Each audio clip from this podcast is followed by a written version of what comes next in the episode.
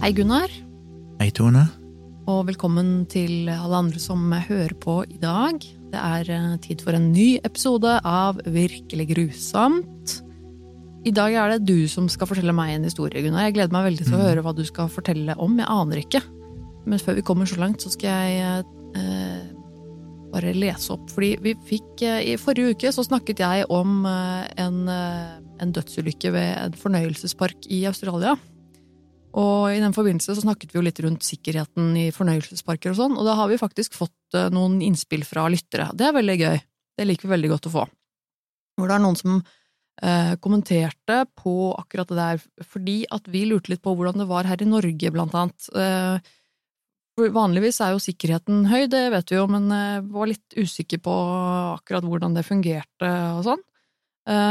Men det var en som eh, skrev eh, blant annet at norske fornøyelsesparker må ha en årlig godkjenning, eh, for eksempel fra det norske Veritas, som både gjennomgår alle attraksjonene fysisk og sjekker alt av rutiner og nødprosedyrer. Um, I tillegg har Tusenfryd teknisk stab, eh, stab, stab på 13 personer som hver morgen sjekker hver enkelt attraksjon. Eh, og så var det en annen som skrev at hun jobber i eh, Kristiansand, i Dyreparken. Der har de jo en del eh, attraksjoner òg, har jeg skjønt. Det er litt sånn, eh, for det er ikke bare en dyrepark, det er litt sånn sklier og sånn, er det ikke sånn? Litt sånn Ja, det er mye forskjellig. Det er jo en slags fornøyelsespark i tillegg til dyrepark. Ja, nettopp. Jeg har aldri vært der, nemlig. Men eh, hun skrev jo at eh, hun jobber som eh, badevakt, eh, og da må de gå gjennom alle sikkerhetsrutiner hver morgen, hvor vi blant annet går gjennom hver sklie, og en leder går gjennom eh, at alt på teknisk som eh, er som det skal, opptil flere ganger om dagen, samt og tar klorprøver. De har opplæring og sjekklister med dato for hver dag, og de har eh, Ja, så det mm, og, så, det, så det kan nok stemme det at de har, eh, litt sånn som vi mistenkte, at det fins ganske strenge rutiner på det her i Norge, med daglige sjekker og, og sånne ting. Da er det tydeligvis også et, eh, et slags eh, type eh, kontrollorgan da, som man må rapportere til, rapportere til og få godkjenning av årlig. Ja, for det var det jeg etterlyste. En ting er at de, jo- de som jobber der, faktisk utfører kontroller, men òg at de må svare for en overordna enhet, som da er Det Norske Veritas. Ja, det sto i hvert fall at det var en av dem, det kanskje det fins flere. Men det var veldig interessant å, høre.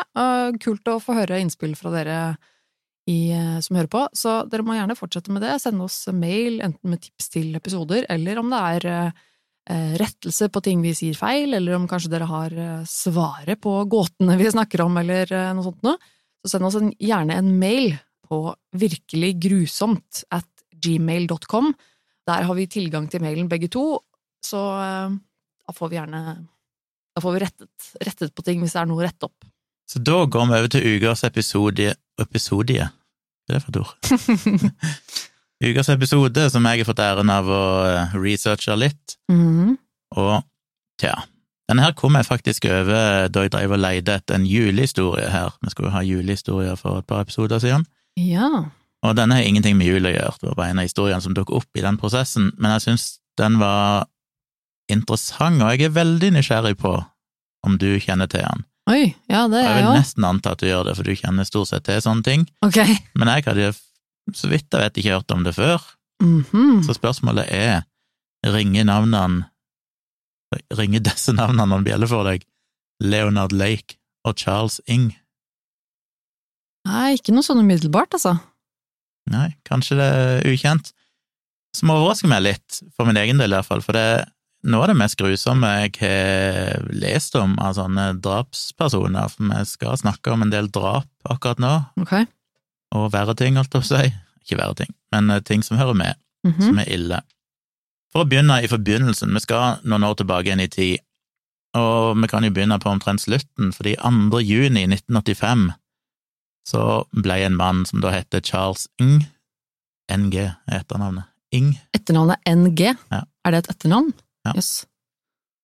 Han ble tatt for butikktyveri i en jernvarebutikk i San Francisco i USA. Mhm.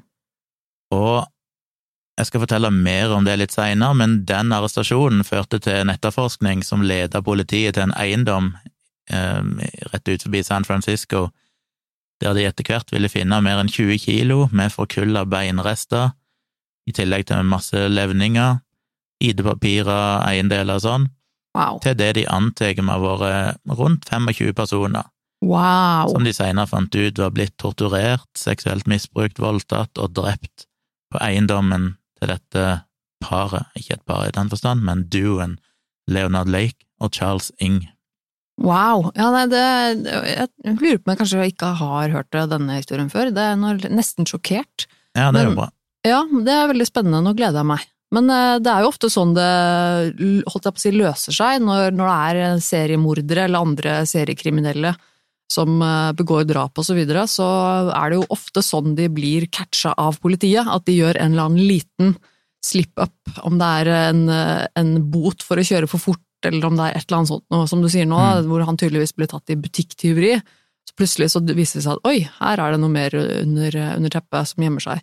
Det, det er litt sånn typisk. Det er jo Han er, nå er spent. Ja, det er ganske typisk, og det er ganske Det er bra det, han ble tatt, for ellers hadde sannsynligvis dette her fortsatt mye lenger, med mange flere ofre. Ja. Men la ikke begynne med Leonard Lake, som vel på mange måter var hovedpersonen i dette her. Han ble født i 1945, og helt siden han var liten, så hadde jo folk merka seg at det var noe rart med han.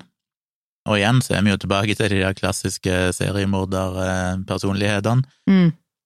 Foreldrene hans ble skilt da han var seks år, og så flytta han og søsknene inn med bestemora. Og det har jo vært spekulert i om denne bestemora kanskje delvis bidrog til, eller la grunnlaget for hans senere handlinger. For det, han begynte jo i veldig ung alder å tvinge søstrene sine til å stille opp på nakenbilder, men hun bare så en annen vei. Ja. Enkelte mener at hun til og med oppfordra han, og om liksom, ja, hva heter det, stimulerte han til å gjøre det, eller oppfordra han til å gjøre det. Mm. Han ble jo veldig opptatt av pornografi, og begynte med utpressing mot søstrene for å få dem til å begå seksuelle handlinger. Han sa han skulle beskytte dem, liksom denne utpressingen var at hvis de gjorde det for han, så skulle han beskytte dem mot en av de andre brødrene, som heter Donald, Jaha, uten at jeg har funnet ut noe mer om hva han eventuelt gjorde galt, denne Donald, men okay. Anyway. Ja. Eh, Så ble han jo avslørt i å drepe mus og andre småkryp, Mm, og løse de opp i syre. Mhm. Det er nesten litt morsomt, for det er sånn klassisk, alle seriemordere har jo drevet og drept mus og sånn når de var Ja, det er jo veldig ofte at det går utover dyr først. Så det var altså ingen begrensninger, for denne bestemora så egentlig bare en annen vei, og kanskje til og med delvis oppfordra han til å gjøre rare ting. Okay. Eh, Så vi vet ikke noe mer om det, men det er iallfall litt av forhistorien. Etter videregående skole så gikk han inn i marinen, og så tilbrakte han to perioder i Vietnam, og dette var jo da eh, i begynnelsen av 70-tallet, så det var jo under Vietnamkrigen. Det høres ikke ut som en person til å bli satt med et gevær i hånda i en Nei, Gudene vet hva Altså. han gjorde der, det vet vi ingenting om, men det er klart en sånn person som plutselig har tilgang på våpen og lov å drepe folk, og vi vet jo hva folk i Vietnam, amerikanske soldater i Vietnam gjorde, så det var kanskje Mm. den perfekte plassen for han. Ja, for hans del, ja. Men etter, rundt 1971, etter han kom hjem fra Vietnam, så begynte han på høyere utdanning, men der droppa han ut etter bare et år, fordi han oppdaga et sånn hippiesamfunn rett ut forbi San Francisco, og der ville han være, for der var det liksom fri sex og kjærlighet og ja, denne livsstilen som begynte å bre seg ut på den amerikanske vestkysten på slutten av 60-tallet. Alt han ønsket seg. Alt han ønsket seg. I 1975 så fant han ei dame i dette hippiesamfunnet som han endte opp eh, med å gifte, og de slo seg ned. Og det varte ikke så lenge, for det hun fant ganske raskt ut av at han hadde litt sære interesser, Ja. og oppdaga at han drev og laga og deltok i sånn hjemmelaga, litt sånn hardcore BDSM-pornofilmer, og da gjorde hun det slutt, forlot han. Ja. Så, så er liksom timelinen her litt sånn, jeg har jo lest flere artikler om dette, og det den alltid oppdager når en researcher sånne historier, er at det ofte er mye upålitelig informasjon, ja. og um, konflikterende informasjon og sånn, så en må av og til bare prøve å finne et sånn felles gjennomsnitt av de artiklene en leser. Men eh, så timelinen er litt sånn, noen har noen årstall som bare ikke stemmer i det hele tatt over en som andre, men det er ikke det aller viktigste. Men rundt 1980 så hadde han et kort opphold i fengsel fordi han hadde blitt tatt for et biltyveri, og så ble han med i et annet hippiesamfunn etter det, som heter Greenfield Ranch, som ligger i Nord-California. Og her møtte han ei dame som heter Claralyn Ballas. Han kalte henne vel for Crickets, som sånn kjælenavn. Crickets? Som okay. han da òg gifta seg med. Og det var en bedre match enn den forrige kona. Ja, For hun var litt eh, psykopat hun òg, eller? Ja, jeg vet ikke så mye om henne, annet enn at hun tydeligvis aksepterte interessene hans, og til og med syntes det var kult å være med i disse pornofilmene hans. Okay. Så eh, var en perfekt match sånn sett. Ja, det høres jo ut som en bedre match, men det, det, er, ikke, det er ikke mord og sånn som er inne i bildet her enda, i historien. Ikke ennå, men hun var med, viser det seg, til siste slutt. Ja. Han bodde på denne ranchen, da, denne Greenfield Ranch, eh, dette her hippiesamfunnet, i hop med kona, og de lagde pornofilmer og koste seg. Men etter hvert så fikk han jo mer og mer ekstreme interesser, og han fant ut at det var kanskje ikke nok til å stimulere han, Mm. så etter hvert så begynte han å oppsøke og leve ut liksom mer mørke og sadistiske fantasier. Og han ble jo kasta ut av eh, Eller ikke kasta ut, men ble vel hva heter det, dimittert, eller et eller annet sånt, fra andre periode i Vietnam, fordi han ble vel regna for å være mentalt ustabil og kanskje schizofren og noe sånt. Oi, såpass, ja. Så han eh, Det var jo ting som skjedde, tydeligvis, som gjorde at de ikke ville ha han i militæret lenger heller. Og det er mulig at det var det som gjorde at han etter hvert begynte å bli ganske paranoid, eller om det bare var generelt sett at på den tida, sånn rundt eh, begynnelsen av 80-tallet, så var amerikanere generelt sett ganske paranoide, for dette var midt i den kalde krigen, og dette med atomkrig var noe som veldig mange frykta Mm. og som var relativt realistisk, kunne skje. Det var liksom atomopprustning mellom USA og Sovjet, og Ja. så han ble ganske overbevist om at de sto overfor en ganske snarlig atom- eller kjernefysisk krig og katastrofe, eller en kjernefysisk holocaust. Ja. Så han eh, ville derfor bygge en sånn survivalist-bunkers, og survivalist Jeg måtte jo google og bare se hva er det norske ordet for det. Merkelig nok så er det faktisk survivalist. Er det det? Ja. Survivalist? Ja, med ø, liksom. Survivalist. Sur det hørtes veldig rart ut. Men de er kaller det gjerne for preppere. Ja, preppere. Det var det jeg skulle til å si, nemlig at Mm. kaller vi ikke bare det for preppere. Sur sur survivalist. survivalist, er visstnok en uh, gyldig norsk versjon. Jeg tror ikke jeg kommer til å bruke det norske ordet så mye. Nei, For de som ikke vet hva det er, så er det disse folkene som eh, gjerne isolerer seg et eller annet sted på ei hytte eller et hus og hamstrer mat og våpen og sånn, og er overbevist om at de skal liksom på en eller annen i nær fremtid måtte At det kommer til å skje noe som gjør at de må kjempe, alle må kjempe for seg, og Ja, det de gjelder å være forberedt, forberedt. Ja. Derfor prepper. de skal ha et, et eh, lager også ofte med mat og våpen og alt de trenger for å overleve uten Ja, og gjerne en sånn bunker de er gravd under jordet til å overleve atomkrig og mye sånn. Veldig ofte så er jo sånne folk eh, ganske sære, gjerne med ekstremistiske tendenser og sånn, og han godeste eh, ba- Hva heter han herlige britiske dokumentarfilm eh, Louis Theroux. Louis Theroux, han er jo ja, en av de tidlige episodene hans fra 90-tallet eller sånn, vel. Da han blant annet oppsøker sånne preppere i USA og Ja, snakker stemmer med Ganske interessant. Mm. Anyway, han fant jo da ut at han skulle bygge en sånn eh, bunkers for å overleve dette her, men han fikk ikke lov til det på denne hippie, dette hippiekollektivet, på denne Greenfield Ranch. Men så fant han ut at kona hans, familien til kona hans, hadde ei hytte i skogen ikke så langt derifra, og den var de mer enn villige til å leie ut til han. Og så var det en annen artikkel som også sa at noe av grunnen til at han ville rømme til denne hytta, var at han ville bli sikta eller tatt for besittelse av ulovlig våpen og noe sånt. Så han prøvde å rømme ifra det. Men igjen, dette er sånn, det er forskjellige, forskjellig informasjon i forskjellige artikler, altså. Ja. vet ikke helt. Men i seinere tid så er han jo funnet i dagboknotatene hans at han skisserte en plan som han kalte for Operation Miranda. Og det handler egentlig om at han ville starte på nytt med denne bunkeren for å kunne ha en plass der han kunne utle leve ut sine seksuelle fantasier, men også for å ha et sånt sikkert sted som kunne gi trygghet til han sjøl og eiendelene hans, og muligens òg beskyttelse mot kjernefysisk nedfall hvis det var en krig og sånn. Så han hadde en plan med dette. Og så er timelinen igjen litt usikker, men på et eller annet tidspunkt her, ganske kort tid, tror jeg, etter at han flyttet ut til denne hytta sammen med kona si, så inviterte han eh, sin yngre bror, Donald, og sin venn og også forlover ifra, jeg husker ikke helt om det var det første eller andre bryllupet, men iallfall en god venn som heter Charles Gunnar. Mhm. Gunnar, faktisk. Gunnar, da, sikkert. Ja, Charles likt- Gunnar. Ja, men det staves helt likt mitt navn, Gunnar. Ja. Charles Gunnar. Så han inviterte de til hytta, og tydeligvis drepte de. Og det rare er at Han bare drepte Hæ? ja, det, det finnes liksom ingen informasjon om akkurat det, det er bare sånn at uh, de ble visstnok invitert, ingen som helt vet om de kom der av fri vilje, eller om de ble tvunget, kidnappa, men de ble åpenbart drept der. What? Så han tok pengene deres og eiendeler og sånn, og så begynte han å utgi seg for å være Charles Gunnar, da. Så han drepte bare lillebroren sin og, Ja. og bestekompisen sin? Ja.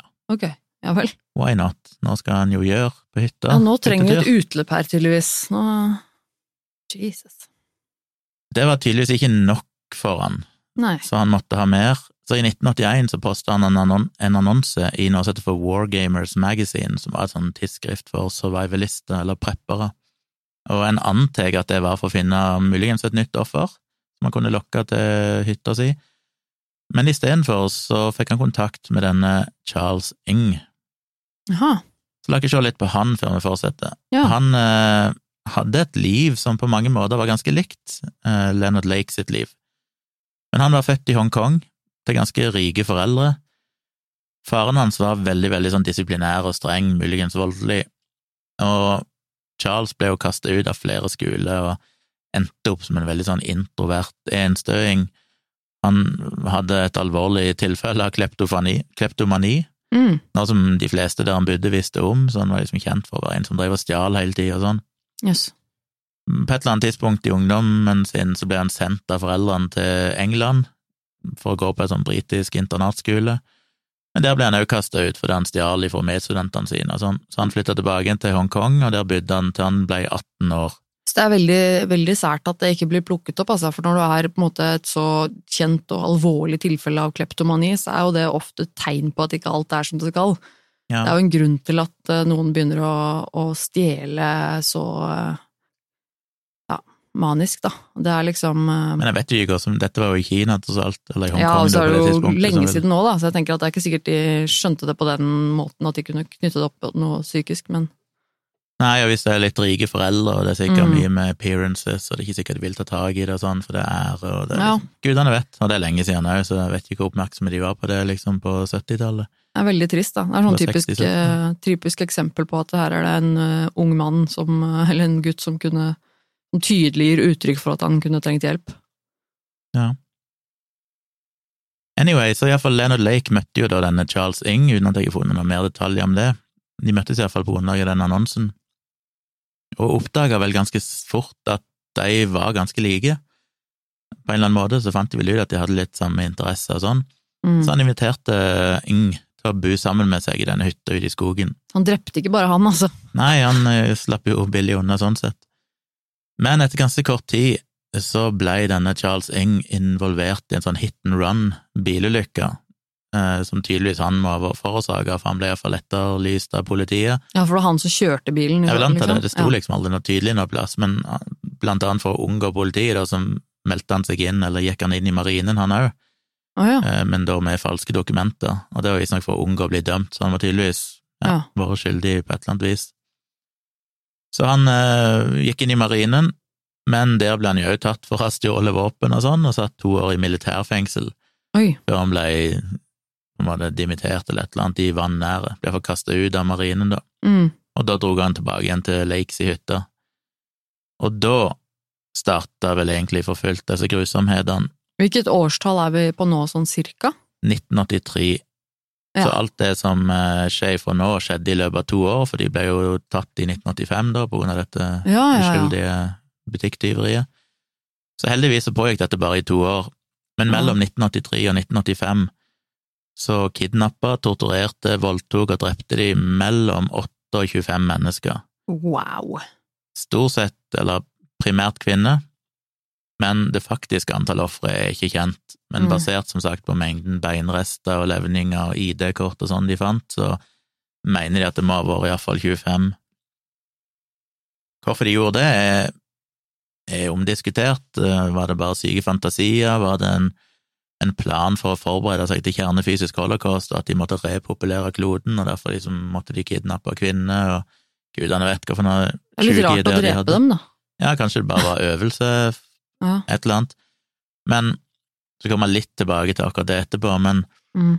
de var ganske lade, så det var ikke sånne folk som hadde noen sånn stor plan, tydeligvis, som liksom gikk ut og fant mennesker. Alle ofrene, så vidt jeg vet, iallfall de aller, aller fleste, var bare folk fra nærmiljøet, gjerne folk de kjente, og naboer Oi. og sånne ting. Det er jo veldig risky, da. Ja.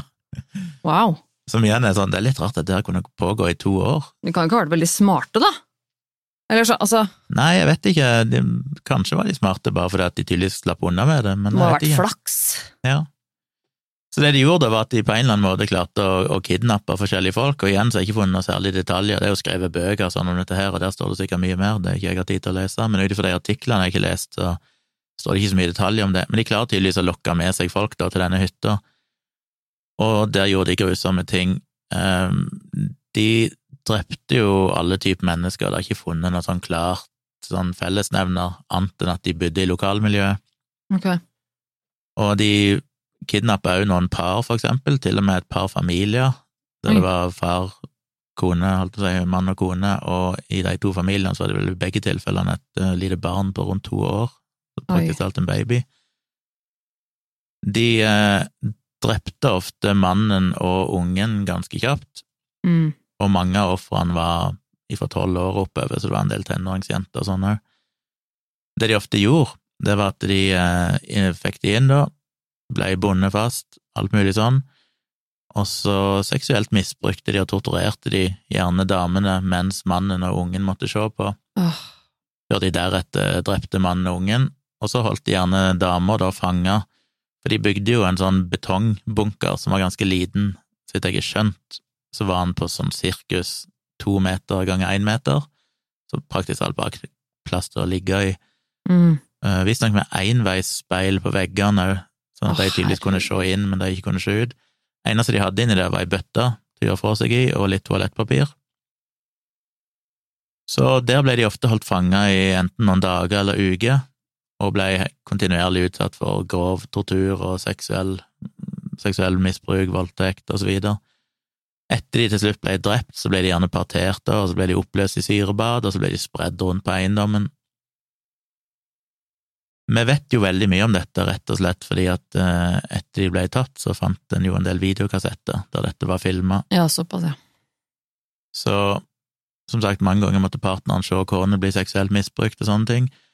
Eh, Noen av kvinnene ble jo så hardt og brutalt seksuelt misbrukt at de sannsynligvis ikke kunne ha overlevd det. Mm. Det var liksom så ekstremt brutalt. De ble bundet, de ble satt i jern, de ble tvunget til oralsex og orgier. En tidligere medfange av Charles Ng, eh, litt usikker på hvor, muligens etter han ble tatt når dette var skjedd, men han er kommet ut seinere og sa at Charles Ng skrøyd av å ha seksuelt torturert og vansira kvinnene med elektrisk drill og knipetenger. Nei, å fy. Han reiv av brystvorter med tang, han dytta drillen opp i skjeden på de, han stakk stenger opp i anus, han knuste knogene deres med tenger. Det var liksom bare så hinsides brutalt som det kan få blitt. Det hjelper bare å torturere de og ødelegge de og vansire de og bruke de seksuelt før de til slutt drepte de. Mm. Og én ting er jo at de dreper de på den måten, men på videoopptakene, og det ligger en del klipp ute som viser på en måte de snille greiene, men der du faktisk ser noen av ofrene sitte bundet i en stol oh, wow. og bli snakka til. Og i den ene videoen så hører du Leonard Lake sitte og fortelle hun dama, som for øvrig var eh, Hvem var den igjen? Ja, det var en av de som er iallfall kjent, en av de som var i en familie der mannen og hennes to år gamle barn òg ble tatt. Og han sitter og forteller liksom at ja, det er så rart å høre på, for han høres egentlig ganske intelligent ut, han høres ikke ut som liksom en eller annen merkelig dum fyr, velartikulert og alt mulig, og, og forteller hun at hun har liksom to valg. Enten bare gjør alt han vil, seksuelt, fysisk, eh, underkaste seg totalt, eller så må han torturere henne og drepe henne og sånn. Aha. Og det er helt opp til henne, hun må liksom bare velge hva hun vil. Og etterpå så begynner han å snakke om at han òg skal ta babyen ifra henne. Babyen ligger og sover som en stein, men eh, han vet om et annet par som ikke er unge, som trenger en unge, så han kommer til å ta babyen og gi til deg. Og hun er bare helt fortvila sånn 'hæ, du kan ikke ta babyen min, det er jo mitt barn', begynner å grine sånn, 'du kan ikke ta babyen ifra meg'. Ja. Så han har ikke jeg har tid til å se så mye, jeg har sett et par sånne klipp av to forskjellige, en annen er av ei 18 år gammel jente som ligger bondefast i senga, der han òg driver og, og snakker til henne, det er nesten som tatt ut av en film, for han liksom forteller jo at han, han er en indre kamp som pågår mellom at han enten må, jeg husker ikke helt detaljene, men iallfall enten da må drepe henne og sånn, og torturere henne, eller gjøre det som mange kanskje vil si er det anstendige å gjøre.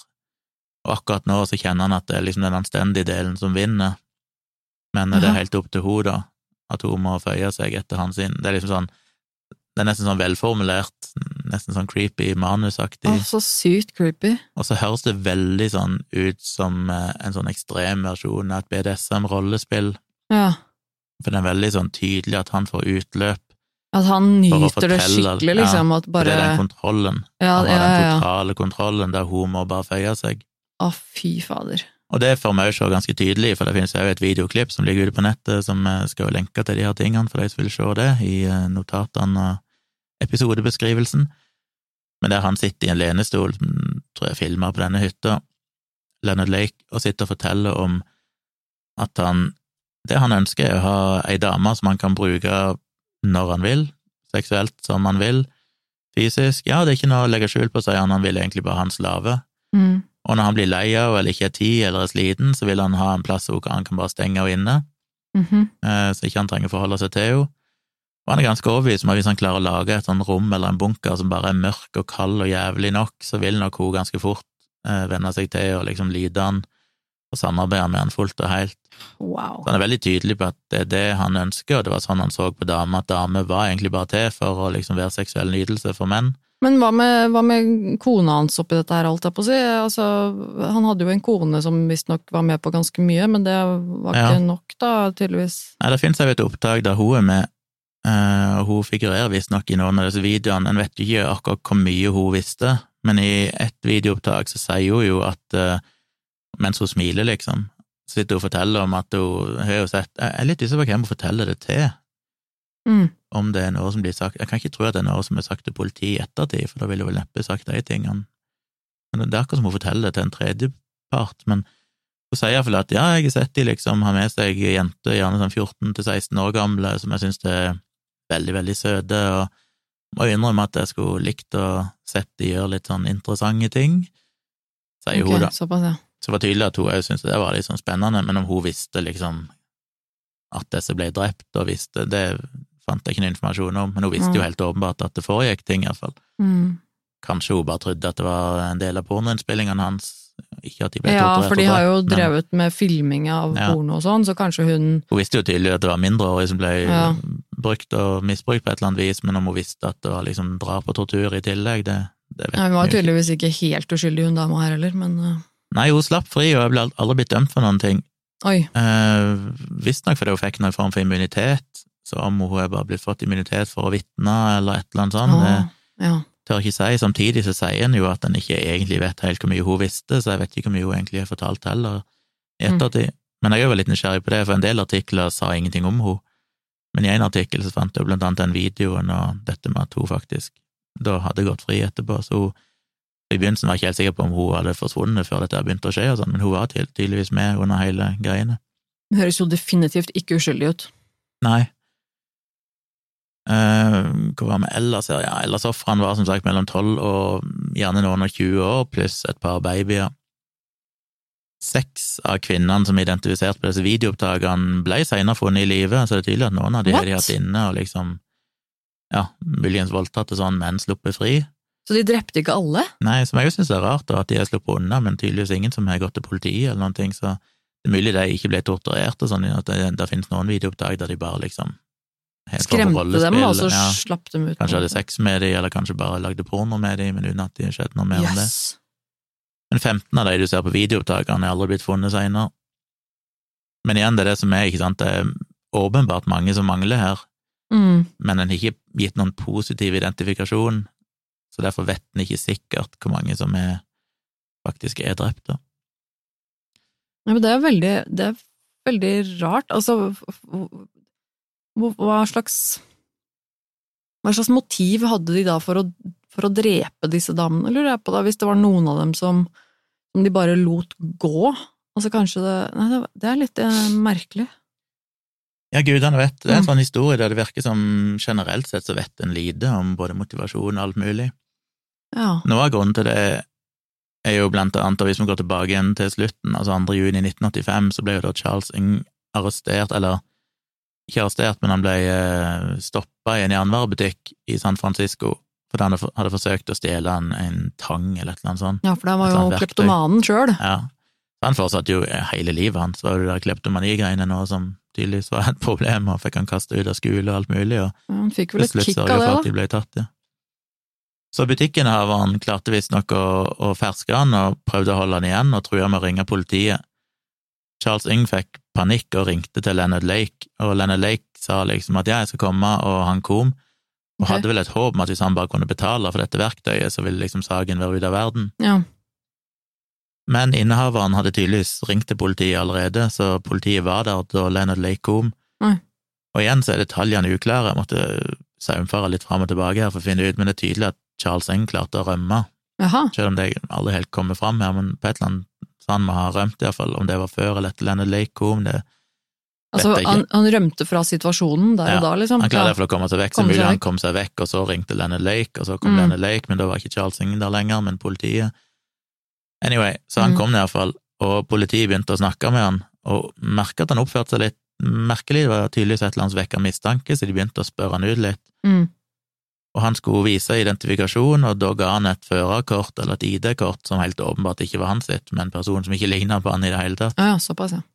Og da de sjekka registreringsnummeret på bilen han kom i, så oppdaga de at det tilhørte egentlig en helt annen bil, men òg tilhørte en person som heter Scott Stapley, som var blitt meldt savna seks uker tidligere. Ja. Da de da sjekka bilen, så fant de òg en pistol med ulovlig Hva heter det jeg kaller det for eh, sånn eh, støydemper Ja. Heter det støydemper? Mhm. Det høres så rart ut når jeg skrev det. Å ja. Nei, Ja. I hvert fall en ulovlig støydemper på den pistolen, og våpenet fant de at var registrert på en som heter Paul Costner, som òg var meldt savna. Så da satte de han i varetekt, tok han med til politistasjonen, men dette hadde jo da Leonard planlagt for. Okay. Han var jo en prepper, tross alt. Han hadde planlagt eh, mm -hmm. så han hadde sydd inn eh, cyanidkapsler i fôret på klærne sine, og klarte å stappe et par av dem i kjeften, og døde noen få dager seinere. Altså, han tok livet av seg, ja? Ja. Nei! Så han hadde planlagt det, tydeligvis, og ble han tatt, så var liksom bare løpekjørt, og så var det bare å svelge cyanid. drittsekk. Så det er kanskje litt av grunnen til at de vet lite om dette, sånn sett, fordi han døde. Ja, ja, garantert. Men Charles Ng klarte jo å komme seg unna i utgangspunktet. Um, rømte til Canada. Der gikk det bare en måned, så ble han tatt for butikktyveri. Nei, men jeg Herregud, for en idiot! Og han var jo bevæpna og klarte visst å skyte en eller annen vakt i hånda, så han ble satt i fengsel i Canada. Herregud. Etter, ja. Og så, et, mens, der, mens han satt i fengsel, og etter de hadde tatt denne Leonard Lake, så reiste politiet til denne eiendommen der de fant ut at de holdt til, og begynte da å etterforske og saumfare eiendommen, og der fant de altså totalt spredd utover eiendommen 20 kilo med forkulla beinrester, som de tydeligvis hadde prøvd å løse opp i syre og brenne og sånn. Mm. De fant en del levninger etter forskjellige mennesker, de fant masse identitetskort og sånn, og de fant òg bilene til en del mennesker som var parkert der. Ja.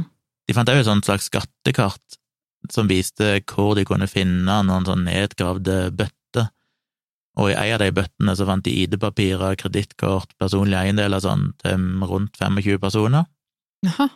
Og en annen inneholdt da dagboknotater til Leonard Lake og disse videokassettene Ja. der de hadde dokumentert voldtekt og tortur av iallfall to kvinner på dem. Tolv personer totalt ble identifisert i forlevningene på eiendommen. Så det er litt sånn rart, når de identifiserte identifisert tolv personer, så sier de fortsatt at mellom 8 og 25 er blitt drept. så Jeg skjønner ikke helt Det kan hende de har Altså, hvis de har funnet Hvis de har funnet levninger, så er det jo ganske tydelig da at da vet du at det er at det er så mange som er drept, liksom. Men hvis de finner personlige gjenstander også til flere, da, Ja. så kan du ikke vite om de er drept, eller om du sa at de, det var noen de hadde eh, tatt som tydeligvis var kommet seg fri, eller eh, De fant jo levningene til tolv personer, men det er Mm. klart du kan jo allikevel ikke nødvendigvis si at det var de som drepte de, så kanskje det er det, at det er bare Nei, ja. har liksom dokumentasjon på på en eller annen måte gjennom videoopptak eller hva det måtte være. Og åtte til tolv, var det sa? Ja, det var det som sto i en artikkel, men jeg ser jo her i en annen så sier de at det ble funnet levninger til tolv personer. Mm. Ja. Så litt, litt, igjen litt uklart, som det Ja, det er- er med sånne historier. Det er vel mye- sikkert litt eh, mangelen på bevis, da. At de har Ja. funnet levninger, men de kan jo ikke, som du sier, de kan ikke garantere at det er de som har gjort det. Nei, så Charles Eng ble jo altså da etter fire og et halvt år i fengsel i Canada, så ble han utlevert til USA. Mm. Uh, der var det forsinkelser, det var smutthull i det, juridiske lovverket og sånn, som gjorde at han ble faktisk ikke dømt før i 1999, Oi. som altså er mm, 17, 16 år seinere, nei, eh, 14 år seinere etter at han ble tatt. Oi. Men da ble han dømt til døden for drapet på elleve personer, som da er to babyer, seks menn og tre kvinner. Mm. Han ble dømt til døden ved giftinnsprøytning, men han, eh, igjen på grunn av diverse juridiske smutthull og sånn, så er det aldri blitt fastsatt en dato for hans henrettelse, så han sitter fortsatt i San Quentin State Prison Han gjør det, og lever fortsatt. Sitter Wow. i fengsel. Så han ble altså dømt, sitter i fengsel. Leonard Lake eh, drepte seg sjøl, og denne kona slapp fri uten noen ting. Jeg vet ikke helt hva som har skjedd med henne etterpå, om hun lever lenger, eller hva som er greia. Men han, eh, han Charles Ng, Mm. Han var ikke villig til å snakke, da. Tydeligvis noe særlig, eller? Eh, det vet jeg ikke. Jeg vet, det meste informasjonen jeg har funnet, er jo ting som ser ut til å komme fra videoopptak og dagboknotater, Mm. så mye tyder vel på at kanskje han ikke har sagt så mye, Mm. som kanskje er forståelig nok. Han er bare en simpel kleptoman fra Ja. Hongkong. Men som sagt, han har jo da tydeligvis skrytt andre fanger over hvordan han er torturert og hva han sier av kvinner og sånn, så Mm. jeg vet ikke. Så det var egentlig slutten på visa. Og for meg så var det jo en litt overraskende historie som jeg ikke hadde hørt om, for den er, det for det første er det snakk om mange, det er snakk om kanskje 25, det er snakk om babyer, det er snakk om unge tenåringsjenter, det er snakk om hele familier som blir drept, det er snakk om tortur og voldtekt, Mm. det er snakk om å holde damene fanga i en bitte liten bunkers. Det er snakk om å videofilme det, true de. Eh, det er liksom grovheten i det, at ikke det bare er snakk om at noen blir drept, men at de òg liksom får revet av brystvorter og blir torturert på de groveste måtene og knust og vansira. Ja. Det er snakk om antall mennesker, det er alder Det er så mange ting som bare tipper dette over i noe av det verste jeg har hørt, at jeg er sjokkert over at jeg ikke har hørt mer om det. Det er ikke en ukjent sak. Hvis du først begynner å google disse navnene, så er det masse informasjon på internett, så det er tydelig Mm. at det er liksom Det er skrevet bøker, det er laga videoer, alt mulig. For alt jeg vet, så er det folk som er filmatiserte. Men igjen, ja, jeg hadde faktisk ikke egentlig hørt om det, så vidt jeg vet, så Ja, det overrasker meg litt òg. Jeg, eh, jeg har jo en interesse for sånne litt sånne type saker. Eh, så- Så det er jeg faktisk litt overraska over at jeg ikke har eh, hørt om. Jeg tror i hvert fall ikke det. Jeg må se, jeg må, jeg må se på bildet av disse vedkommende. Kanskje jeg kjenner igjen ansiktene. Men eh, Ja. det ringer ingen bjelle foreløpig. Ganske drøyt, altså. Ja, det som òg gjør det ganske ille for meg, eller mer spennende på et vis, interessant, er jo dette med at det faktisk finnes en del videoopptak. Selvfølgelig, de grusomme delene er jo aldri offentliggjort, Nei. men det finnes jo tross alt videoopptak der du ser fangene deres, du ser de kommuniserer med dem, du ser de sjøl sitte og prate om sine visjoner og sånn, og Ja, det gjør jo alt bare ekstra creepy, altså. ja, da får du et helt annet forhold til det. Du faktisk ser disse menneskene filma på begynnelsen av 80-tallet, som sitter og prater. Så ja, eh, spørsmålet blir jo da, hvor vil du plassere dette på grusomhetsskalaen, Tone? Ja, det er det evinnelige, vanskelige spørsmålet. Jeg syns det er like vanskelig hver gang, jeg. Det er det. Og som jeg har sagt tidligere, hvis dere er uenige med oss, men jeg er nysgjerrig på å høre hva dere syns. Jeg fikk forresten et tips eh, på mail av noen som mente kanskje vi burde lage en slags offentlig gallup der lytteren kunne gå inn og stemme. Vi ser Ja, om vi kan få til det. det. Hvis vi gjør det før denne episoden slippes, så finner dere link til det i eh, episodebeskrivelsen. Om ikke denne episoden, så kanskje en senere episode, eller om kanskje vi legger det til på alle episodene etter hvert. Men eh, sjekk ut det om det finnes noen link til det. I så fall så vil vi gjerne høre. For det hadde vært gøy å se hva lytteren sånn i snitt syns de forskjellige historiene ble Ja. rata til. Det er også en fin måte å, å, å, å vite hvilke historier folk syns er de mest grusomme. Ja. Som blir liksom de Men uh, Igjen da, skala null til ti. Null er å sparke tåa mot eh, bordbeinet. En Ti er det mest grusomme du omtrent kan tenke deg. Men fem er jo fortsatt ikke en dårlig historie, eller en dårlig Det er liksom bare det er grusomt, men det er sånn midt på treet grusomt. Men det er fortsatt grusomt, det er viktig å huske på. Ja, det er det. Det er jo Alt vi forteller i denne podkasten, er jo grusomt på et eller annet vis. Men jeg må jo se Eh. det i kontekst til andre historier. Hva, hva er det mest grusomme du kan se for deg at mennesker kan gjøre mot andre, og sånn, eller oppleve sjøl? Ja, dette er jo høyt oppe på skalaen. Tenker jo det, men For meg så For meg så er jo dette Altså, når du er kapabel til å gjøre så horrible ting med andre mennesker, så er du ganske Jeg liker jo ikke å kalle mennesker onde, men, men da er du Da er du ganske ond. Da er du i hvert fall veldig eh, Ja, grusom. Um, Jeg tenker at vi må opp kanskje på ni eller noe sånt. Jeg vet ikke egentlig, men, men det er alltid liksom vanskelig å vite hvem, hvilket utgangspunkt man skal ta og, og sånn, men, men jeg syns sånn totalt sett er jo dette Nei, jeg sier ni. Eh, Jeg er jo heller nok mot en nier, bare fordi at det kombinerer nesten alle de mest grusomme. Det eneste som kunne gjort det til en tier, det er liksom eh, nazistenes holocaust, bare fordi at det var så ekstremt mange flere mennesker.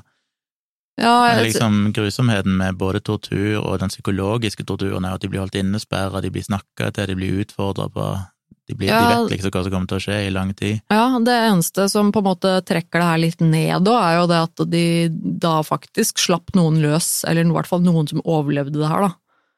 Ja. Uh, av en eller annen grunn. Jeg er veldig interessert i Jeg skulle ønske jeg visste svar på det, og hvorfor Hva som var, hva som var greia med at det var noen som fikk overleve. Det synes jeg er veldig spesielt, og hvordan og hvorfor de da ikke ikke gikk til politiet. Altså, jeg kan jo skjønne at de er blitt truet til stillhet eller noe sånt, men likevel, altså det Men som sagt, jeg vet ikke så mye mer om de som de fant på videoen, som i tydeligvis over flere år så drev jo han her og lagde porno, Ja. og han må jo da nødvendigvis ha hatt en del medvirkende der. Så det kan være at dette bare var kvinner som var med på pornofilmen hans, og mm. kanskje ble utsatt for relativt drøy BDSM-sex, men ikke at de mente at det var noe tvang, eller Ja, men at de i utgangspunktet var med på det frivillig, sånn at da føler de kanskje at nei, men jeg har ikke noe å si på det, for jeg, dette var jo en liksom betalt jobb, eller liksom et eller annet sånt, så ja. at den skal huske at mange damer selvfølgelig som blir utsatt for overgrep, går jo aldri å Nei, anmelde det. ja, Så det kan jo være at mange av de òg følte kanskje at dette var eh, voldtekt, og at det skjedde ting, men at ikke det nødvendigvis Iallfall ikke Dette er jo tross alt igjen da slutten av 70-tallet, begynnelsen av 80-tallet. Mm. Det var kanskje Eller det var vel enda vanskeligere på den tida å gå til politiet med, med sånt spesielt. Hvis du hadde medvirket i en pornofilm, da hadde du sikkert ikke mye sympati fra politiets side. Da var du vel per definisjon ikke voldtatt i deres øyne, vil jeg anta. Jeg tror det kan være mange grunner til at de kan ha blitt utsatt for ganske drøye ting, de òg, men at de allikevel ikke gikk til politiet med det. Jeg tenker at uh, jeg- Jeg lurer på hvordan dette Hvordan historien hadde utfoldet seg hvis, hvis de to aldri hadde funnet hverandre. Det er jo sånn Ja. eh, veldig mange liksom, Hvis man ser på andre eksempler i, i, opp gjennom historien med, med seriemordere og seriekriminelle som har vært en duo, så har det på en måte ofte vist seg å være en stor del av av eh, hvordan de klarte å utføre ting. Da. Altså litt den der effekten med at man, man eh, støtter hverandre og liksom utfordrer og, og ja, liksom egger hverandre opp til å gjøre ting, og liksom blir smittet av den andres entusiasme. Og blir liksom veldig påvirka. Det er et veldig sært, interessant eh, fenomen. Men det er sånn vi merker at når når man henger sammen til vanligvis, altså holdt jeg på å si vanlige men mennesker også, når det gjelder glede og sorg og alle disse vanlige menneskelige følelsene, man blir jo veldig påvirket av hverandre, ikke sant? Man blir jo Mm. veldig påvirket av de menneskene man er nær, da. Og dessverre så gjelder jo det også veldig ofte denne typen handlinger, at hvis man først finner et menneske som er litt eh, twisted, da, på samme måte som du er, så plutselig så blir det til at man liksom oppfordrer og og inspirerer hverandre til å bare bli eh, grusommere og grusommere. Det er fælt. Det blir jo en normalisering når du finner ut at det er en annen person som er sånn som deg, så blir det plutselig ikke så ille det du gjør. Mm. Men så vidt jeg kan skjønne, så drepte han jo bror sin og bestevennen sin, holdt jeg på å si, allerede Ja. før han møtte Charles Singh, så det er nok mye som tyder på at han var mer villig til å drepe uansett. Ja, det er uten Så tvil. hvem vet hva som hadde skjedd over tid. eneste vi vet, er vel at hvis ikke han Charles Singh hadde blitt tatt i dette butikktyveriet, så hadde det nok fortsatt, for det var ingenting som tyder på at det skulle slutte. Og den siste familien, eh, med hun som du ser på den ene videoen, hun dama som ble trua med at de skulle ta ungen fra henne og sånn, de var det ingen som hørte noe mer ifra etter mai 1985, så de tror jeg da ble kidnappa og drept i mai, og så ble de jo tatt 2. juni. Oi. Så allerede sånn veldig kort tid før de ble tatt, så hadde de kidnappa en familie og drept dem. Ja. Så de holdt jo tydeligvis på, fullt aktive, og hadde nok bare fortsatt, så det kunne jo sikkert blitt ekstremt mange flere. Men igjen så lurer jeg på hvor lenge kunne de ha fortsatt med å ta folk i lokalmiljøet, inklusiv barn, Veldig sært, altså. uten å liksom bli stoppa? Ja, det det, var, det var liksom ikke uteliggere og sånne ting heller, det var jo familier som bodde i nabohus og sånn, og allikevel så virka det ikke som at politiet gjorde noe. Det sånn. Nei, det skjønner jeg bare ikke hvordan det kan ha foregått så lenge. ja, Det er ganske spesielt. Men det var i hvert fall min historie. Eh, vil dere lese mer om dette, så legger vi noen linker i episodebeskrivelsen, der dere kan eh, se mer eller lese mer, hvis dere har mage til det. Så minner vi igjen på e-postadressen virkeliggrusomt at gmail.com, der dere kan sende tips og alt mulig sånn. Jeg må jo bare si at vi setter veldig pris på om folk går inn på iTunes og gir dere noen hyggelige kommentarer, og gjerne noen eh, stjerner. Det er jo gjerne sånn at folk som irriterer seg over et eller annet, er veldig aktive på å skrive ting, mens dere som liker det, som det er ganske mange av tydeligvis, som får mange hyggelige tilbakemeldinger, Mm. kanskje ikke er så flinke til å skrive. Og da blir det litt urepresentativt, kanskje, det folk eh, ser. Så hjelp dere gjerne med å oppveie kommentarene der med litt sånn hyggelige, positive kommentarer. Ja, vi har jo en, føler vi eh, at podkasten fortjener. ja, vi jo en ny podkast, og alle nye podkaster trenger jo litt eh, omtale og PR for å nå ut. Så hvis du liker den podkasten her, så er det utrolig kult om du gidder å spre ordet litt om oss. Det setter vi stor pris på. Men tenk gjerne konstruktiv kritikk, men eh, noen av de kommentarene er ikke nødvendigvis konstruktive, og er mer at noen tydeligvis ønsker seg en annen podkast enn det de endte opp med å høre. Ja. Så hvis dere liker dette, skriv gjerne en eh, hyggelig kommentar, og gi dere gjerne fem stjerner eller noe sånt, så hjelper dere veldig, veldig mye til å nå ut til flere. Ja, det er jo eh, det er ikke så lett å nå opp i podkastverden. Men, eh, Men dere, hører dere denne episoden, så har dere kanskje hørt så mange at vi satser på at dere liker det. Så da er det bare å hjelpe til. Men eh, det var en veldig eh, interessant eh, og ekkel og grusom historie. Neste uke er det jeg som skal fortelle deg en historie, Gunnar. Ja, Da er vi tilbake igjen om en ukes tid, cirka. det er vi. I mellomtiden får dere ha det veldig, veldig fint. Husk å tipse andre om podkasten. del. Fortell. Spre det glade budskap, eller det grusomme budskap. Tusen takk for at du hørte på. Takk for at du hørte på. Vi er tilbake om ei uke.